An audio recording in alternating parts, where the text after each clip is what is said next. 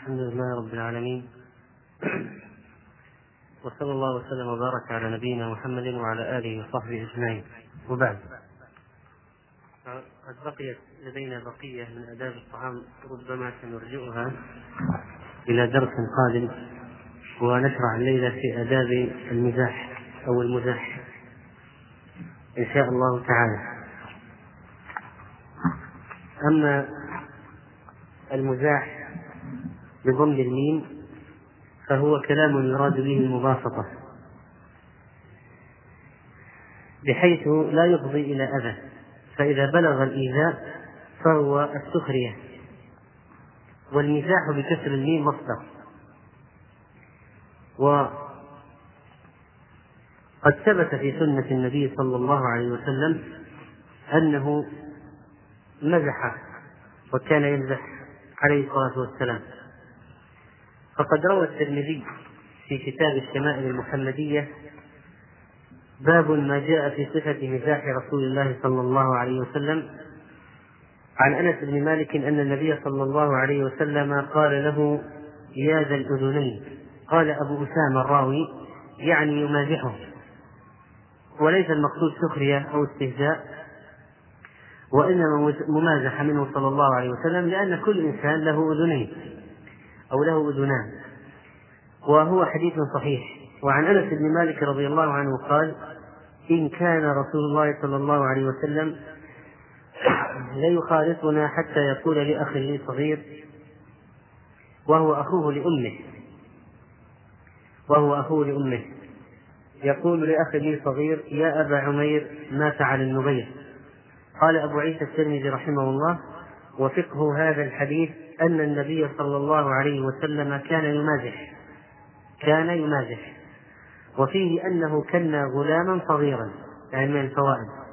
فقال له يا أبا عمير. وفيه أنه لا بأس أن يعطى الصبي الطير ليلعب به. وإنما قال له النبي صلى الله عليه وسلم يا أبا عمير ما فعل النغير. لأنه كان له نغير يلعب به يعني طائر صغير. فمات يعني هذا الطائر فحزن الغلام عليه فمازحه النبي صلى الله عليه وسلم فقال يا أبا عمير ما فعل النغير طبعا هذا الحديث فيه عدة فوائد حتى قال الشافعي رحمه الله إنه أمضى ليلة فاستخرج من هذا الحديث ألف فائدة. طبعا بتوابعها ومتعلقاتها وإلا فيصعب أن يستخرج منه فقط لكن بما بما يمكن أن يترتب على ما يستخرج منه يكون في هذا العدد الكبير من الفوائد. وهذا الحديث أيضا حديث صحيح. وأبو عمير هذا توفي صغيرا في عهد النبي صلى الله عليه وسلم. وعن أبي هريرة رضي الله عنه قال قال قالوا يا رسول الله إنك تداعبنا. إنك تداعبنا. قال نعم غير أني لا أقول إلا حقه. وعن أنس بن مالك أن رجلا استحمل رسول الله صلى الله عليه وسلم. يعني سأله دابة يركب يركبها. سأله أن يجعله على دابة. فقال رسول الله صلى الله عليه وسلم إن حامل إني حاملك على ولد ناقة. إني حاملك على ولد ناقة. فقال يا رسول الله ما أصنع بولد الناقة؟ فقال صلى الله عليه وسلم وهل تلد الإبل إلا النوق؟ يعني أن الناقة مهما كبرت فهي بنت ناقة. قد ولدتها أمها من قبل وهو حديث صحيح. وعنه أن رجلا من أهل البادية كان اسمه زاهرا. كان اسمه زاهرا. وكان يهدي إلى النبي صلى الله عليه وسلم هدية من البادية. فيجهزه النبي صلى الله عليه وسلم إذا أراد أن يخرج. إذا أراد أن يخرج إلى مسكنه في البادية النبي عليه الصلاة والسلام يجهزه. وإذا جاء هو من البادية أهدى للنبي عليه الصلاة والسلام هدايا. فقال النبي صلى الله عليه وسلم إن زاهرا باديتنا يعني يستفيد منه نستفيد منه ما يستفيد الرجل من باديته من الأشياء التي تجلب من البادية. إن زاهرا باديتنا ونحن حاضروه يعني نحن حاضر المدينة له. نعطيه ما يستفيد من الحاضرة وهو يعطينا ما نستفيد. من البادية.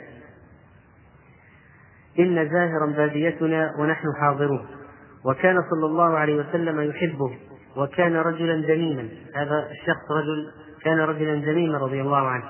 فهو قبيح الصورة مليح السريرة. فأتاه النبي صلى الله عليه وسلم يوما وهو يبيع متاعه. أتى من كأنه أتى من البادية بشيء يبيعه في البلد. فأتاه النبي صلى الله عليه وسلم يوما وهو يبيع متاعه فاحتضنه من خلفه وهو لا يبصره. النبي عليه الصلاة والسلام أمسك به من خلفه وهذا الرجل الصحابي زاهر رضي الله عنه لا يحس لا لا يعرف من هو الذي أمسكه من وراء. فقال من هذا؟ أرسلني. اتركني. من هذا؟ أرسلني. فالتفت فعرف النبي صلى الله عليه وسلم. فجعل لا يألو ما ألصق ظهره بصدر النبي صلى الله عليه وسلم حين عرفه. يعني يحاول ويجتهد طيلة الوقت أن يلصق ظهره بصدر النبي عليه الصلاة والسلام لبركته عليه الصلاة والسلام وبركة جسده الشريف. فجعل النبي صلى الله عليه وسلم يقول من يشتري هذا العبد؟ فقال يا رسول الله إذا والله تجدني كافدا. فقال النبي صلى الله عليه وسلم فقال النبي صلى الله عليه وسلم إذا قال لكن عند الله لست بكافد أو قال أنت عند الله غالب قال يا رسول الله تجدني كافدا من يشتريني على قبحي ودمامتي فالنبي عليه الصلاة والسلام قال لكنك لكن عند الله لست بكافد لست بكافد أو قال أنت عند الله غال. وعن الحسن قال أتت عجوز إلى النبي صلى الله عليه وسلم فقالت يا رسول الله ادعو الله أن يدخلني الجنة. فقال يا أم فلان إن الجنة لا تدخلها عجوز إن الجنة لا تدخلها عجوز. قال فولت تبكي فقال أخبروها أنها لا تدخلها وهي عجوز. إن الله تعالى يقول إنا أنشأناهن إنشاء فجعلناهن أبكارا عربا أترابا. فجعلناهن عذارا أعدنا إنشاءهن من جديد. حتى تصبح السيد في الدنيا عذراء يوم القيامة. عربا متحببات إلى أزواجهن أترابا في سن واحدة وأهل الجنة سنهم كلهم ثلاث وثلاثين سنة كما جاء في الحديث الصحيح. فإذا هذا يثبت أن النبي صلى الله عليه وسلم كان يمزح كان يمزح. ولكنه قال إني لا إني لأمزح لأمزح بالتأكيد إني لأمزح ولا أقول إلا حقه. وفي رواية إني وإن داعبتكم فلا أقول إلا حقا فلا أقول إلا حقا. وكذلك فإنه عليه الصلاة والسلام قال أيضا مبينا شيئا من مما لا يجوز في المزاح. قال لا يحل لمسلم أن يروع مسلما. لا يحل لمسلم أن يروع مسلما. وكذلك وكذلك فإنه عليه الصلاة والسلام قد قال في الحديث الصحيح أنه زعيم ببيت في الجنة لمن ترك الكذب وإن كان مازحا. لمن ترك الكذب وإن كان مازحا فإذا هنا الأحاديث هذه تدل على أنه عليه الصلاة والسلام مزح كان يمزح وهناك ضوابط مذكورة في هذه الأحاديث تدل على مزاحه عليه الصلاة والسلام. ضوابط في المزاح ومشروعية مزاحه عليه الصلاة والسلام. فأما بالنسبة لآداب المزاح فذكر العلماء فيه أشياء. منهم المواردي رحمه الله في أدب الدنيا والدين والغزي رحمه الله كتاب بعنوان المراح في المزاح المراح في المزاح ونقتبس منه أجزاء في هذا الدرس. قال الحمد لله على جميل أفضاله وجزيل بره ونواله. والصلاة والسلام على أشرف الخلق سيدنا محمد وصحبه وآله. وبعد فقد سئلت قديما عن المزاح وما يكره منه وما يباح. فأجبت بأنه مندوب إليه بين الإخوان والأصدقاء والخلان لما فيه من ترويح القلوب والاستئناس المطلوب بشرط أن لا يكون فيه قذف ولا غيبة ولا انهماك فيه يسقط الحكمة ويقلل الهيبة. سنستعرض بعد قليل ما هي الضوابط في المزاح ما هي الضوابط في المزاح فليكتب كل واحد ما يأتي أثناء الكلام وما يخطر بباله حتى نستعرضها بعد قليل. الضوابط الشرعية في المزاح المسألة الآن ليست إقناع الناس أن المزاح شرعي. الناس الحمد لله على كل حال مفلوتين في هذا الجانب. الآن القضية قضية ضبط المزاح أو المزاح ضبطا شرعيا. فذكرنا بعض الضوابط في الأحاديث وسنعيدها مع شيء من التعليم وأيضا سيأتي في كلام صاحب هذا هذه الرسالة المراح الغزي رحمه الله بعض الأشياء الأخرى. قال بشرط أن لا يكون فيه قذف ولا غيبة ولا انهماك فيه يسقط الحشمة ويقلل الهيبة ولا فحش يورث الضغينة. ويحرك الحقود الكمينة. ثم طلب مني بعد مدة السائل بسط الكلام في ذلك وإيضاح الدلائل.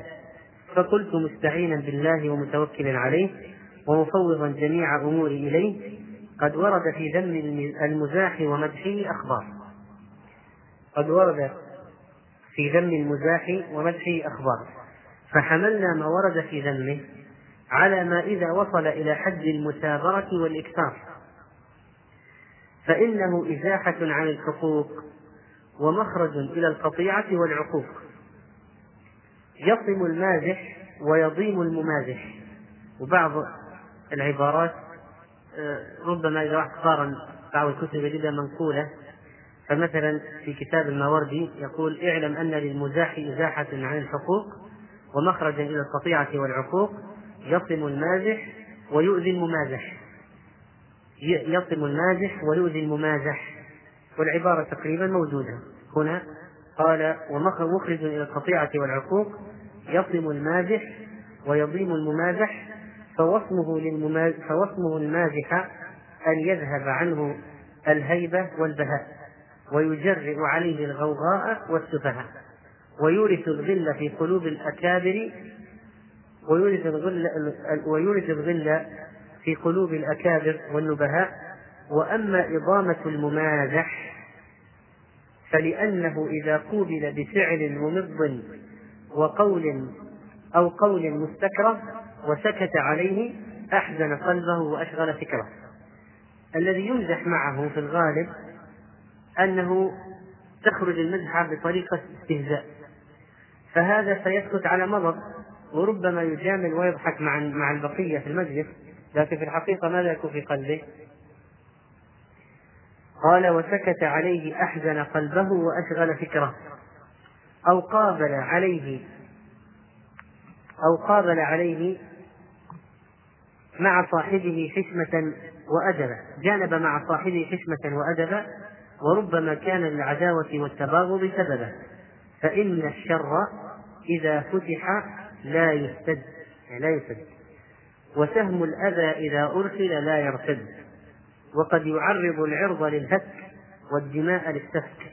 وربما تكون هذه المقاتلة أصلها مزح أصل المقاتلة التي ربما تقتل سفك الدماء أصلها مزح فحق العاقل يتقيه وينزه نفسه عن وخمة مساويه وعلى ذلك يحمل ما روي عن النبي صلى الله عليه وسلم وأتى بها هنا بصيغة التضعيف لا تماري أخاك ولا تمازحه. لكن هذا بما أنه لم يثبت إذا لا نحتاج أن نتكلف الجواب عليه. لكن لو ثبت فنقول ما معنى لا تمازحه كيف لا تمازحه وقد و... وقد مازح عليه الصلاة والسلام. فنقول لابد أن نحمل النهي عن الممازحة هنا على أمر غير الذي ورد فيه الممازحة. فنقول ما ورد فيه الممازحة كانت للدعابة والفكاهة والطرفة والملح الأشياء والملح وكان فيها تطيب للنفوس وتأليف للقلوب وما ورد فيه النهي عنه فإذا كان فيه غيبة أو كذب أو إيذاء للآخرين ونحو ذلك. وقال عمر بن عبد العزيز اتقوا المزاح فإنها حمقة تورث ضغينة. وقال إنما المزاح سباب إلا أن صاحبه يضحك وقيل إنما سمي مزاحا لأنه مزيح عن الحق يزيح الإنسان عن الحق. وقال إبراهيم النخعي المزاح من سخف أو بطر وقيل في منثور الملح منثور الحكم المزاح يأكل الهيبة كما تأكل النار الحطب. وقال بعض الحكماء من كثر مزاحه زالت هيبته ومن كثر خلافه طابت غيبته. وقال بعض البلغاء من قل عقله كثر هزه يعني كثرة المزاح والهزل تدل على قلة العقل. وذكر خالد بن صفوان المزاح وهو من الخطباء المشهورين. فقال يصك أحدكم صاحبه بأشد من الجندل بأشد من الجندل وينشقه أحرق من الخردل ويفرغ عليه أحر من المرجل ثم يقول إنما كنت أمازحك بعد كل هذا الإيذاء يقول إنما كنت أمزح معك أمازحك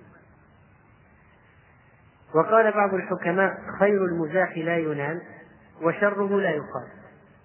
فنظمها بعض الشعراء فقال شر مزاح المرء لا يقال وخيره يا صاح لا ينال وقد يقال كثرة المزاح من الفتى تدعو إلى التلاحي تدعو إلى التلاحي إن المزاح بدؤه حلاوة لكنما آخره عداوة. يحقد منه الرجل الشريف ويجتري بسخفه السخيف. كل هذه من أضرار. من أضرار تكتب لكي تجعل من الضوابط. وقال بعضهم لا تمازح الشريف يحقد ولا الدني يجتري ويفسد. وقال بعضهم ربما يستفتح المزح مغانيق الحمام يعني الموت. طيب. وقال بعضهم لولده اقتصد في مزحك فإن الإفراط فيه يذهب البهاء ويجرئ السفهاء. وإن التقصير فيه يعني عدمه أو الإقلال منه جدا بحيث لا يكاد يمزح وإن التقصير فيه يغض عنك المؤانسين ويوحش منك المصاحبين. يجعل بينك وبينهم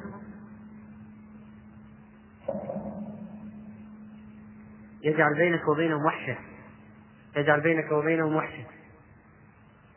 وإما أن ينفي بالمزاح ما طرأ عليه من سأم يعني إذا كان المقصود بالمزاح. نفي السآمة التي طرأت مثلا ملل حصل في مجلس العلم.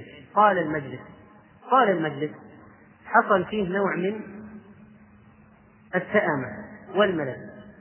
فأورد أحد الحاضرين طرفة قصد بهذه المدحة إزالة السآمة فهذا أمر محمود.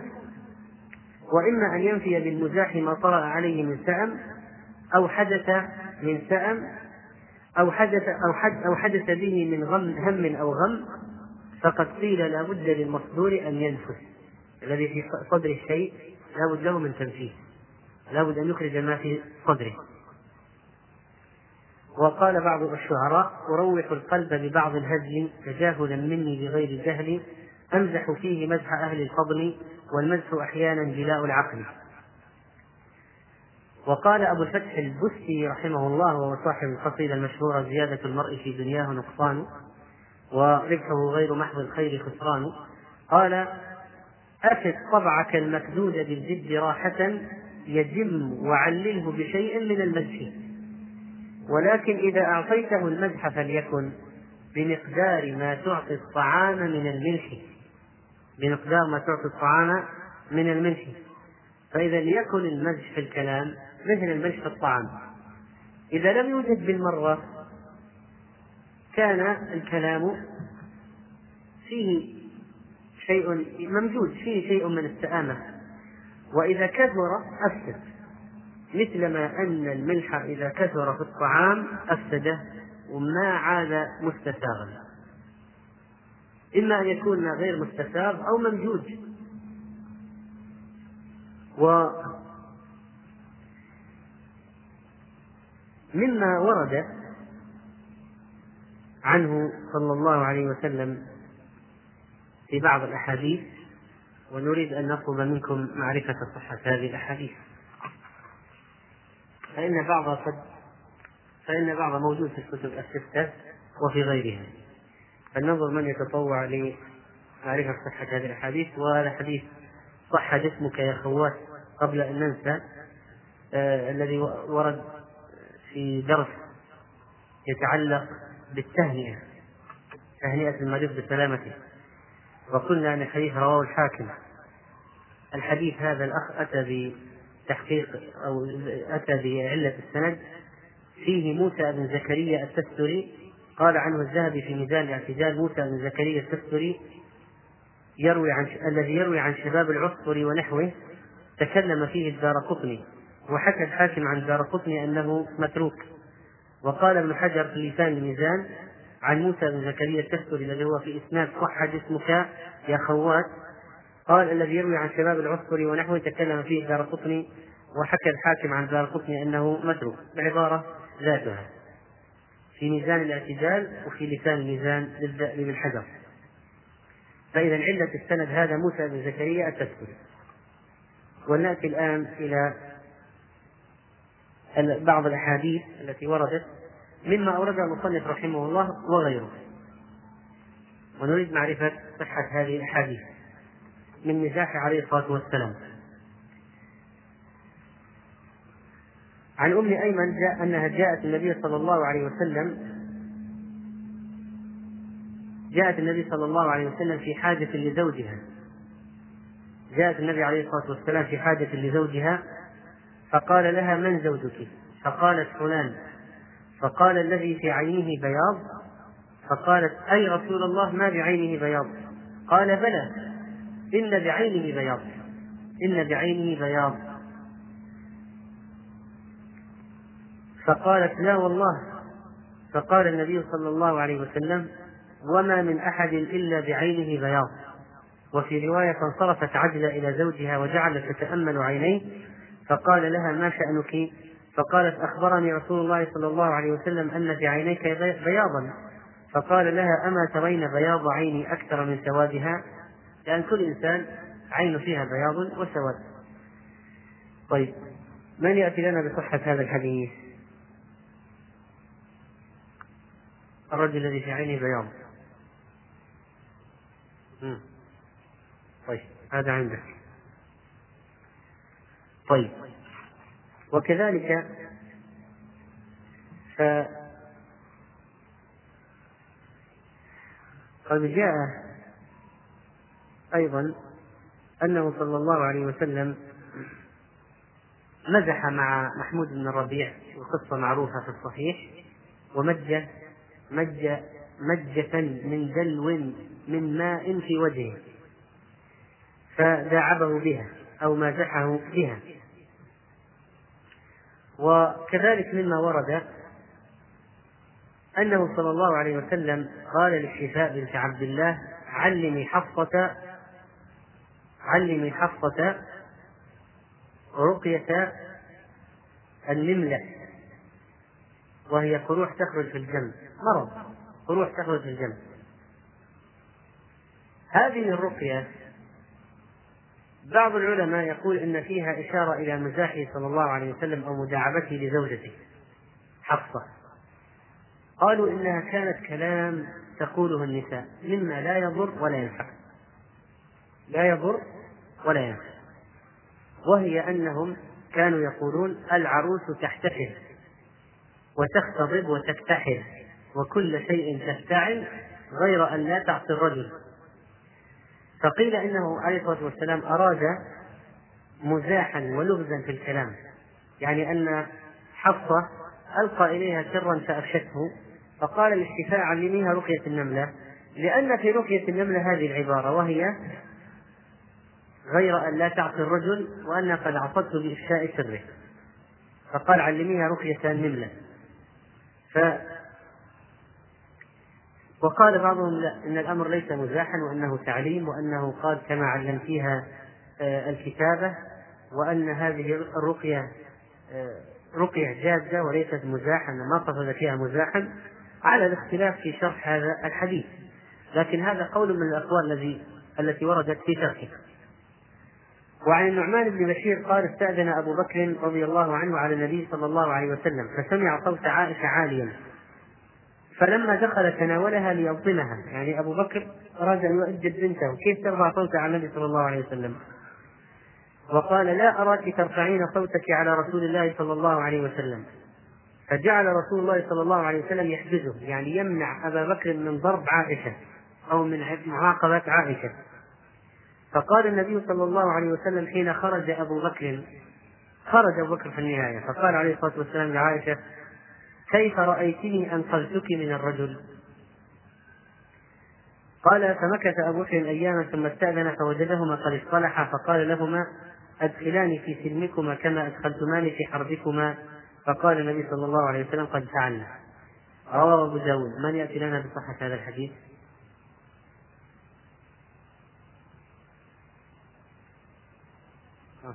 متطوع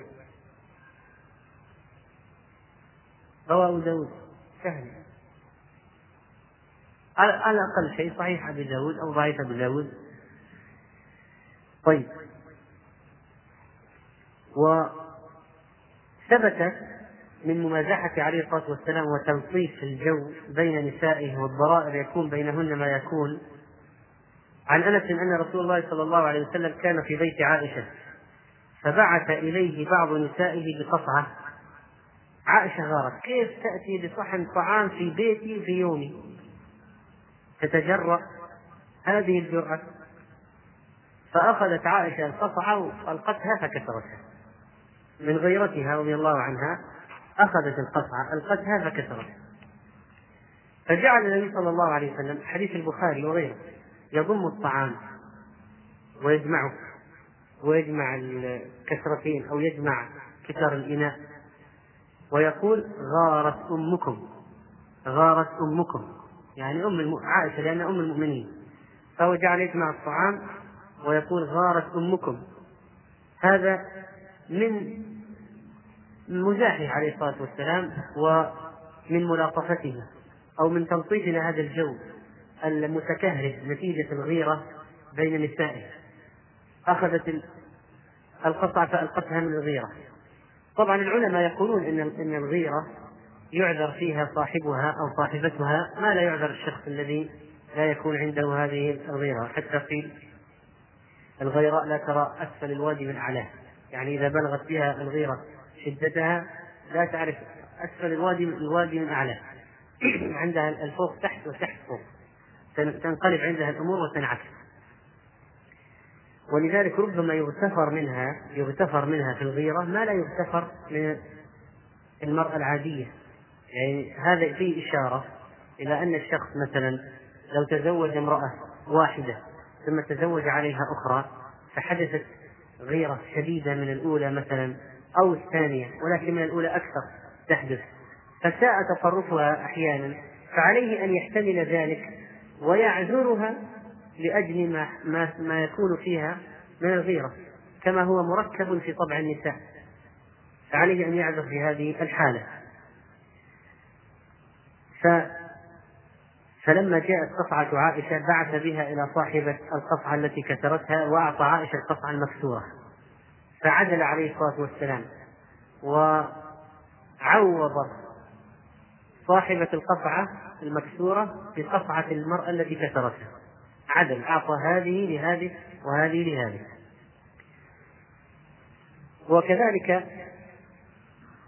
فإنه قد جاء في حديث رواه أبو يعلى وقال الحافظ العراقي إسناده جيد أن عائشة كانت قالت كان عندي رسول الله صلى الله عليه وسلم وسودة فصنعت خزيرا فصنعت خزيرا طبعا الخزير هو نوع من الطعام يستخدم فيه اللحم والدقيق. يستخدم فيه اللحم والدقيق. و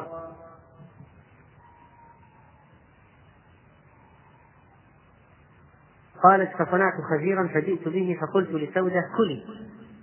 فقلت لسودة كلي. فقالت لا أحبه.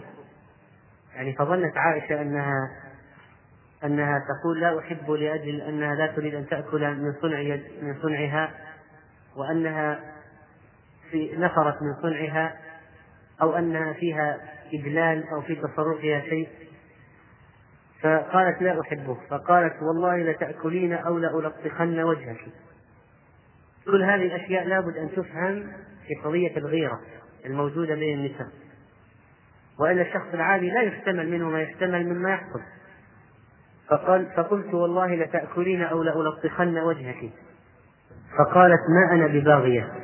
فأخذت شيئا من الصحفة فلطخت به وجهها ورسول الله صلى الله عليه وسلم ما بيني وبينها. فخفض لها رسول الله صلى الله عليه وسلم ركبتيه لتستقيد مني.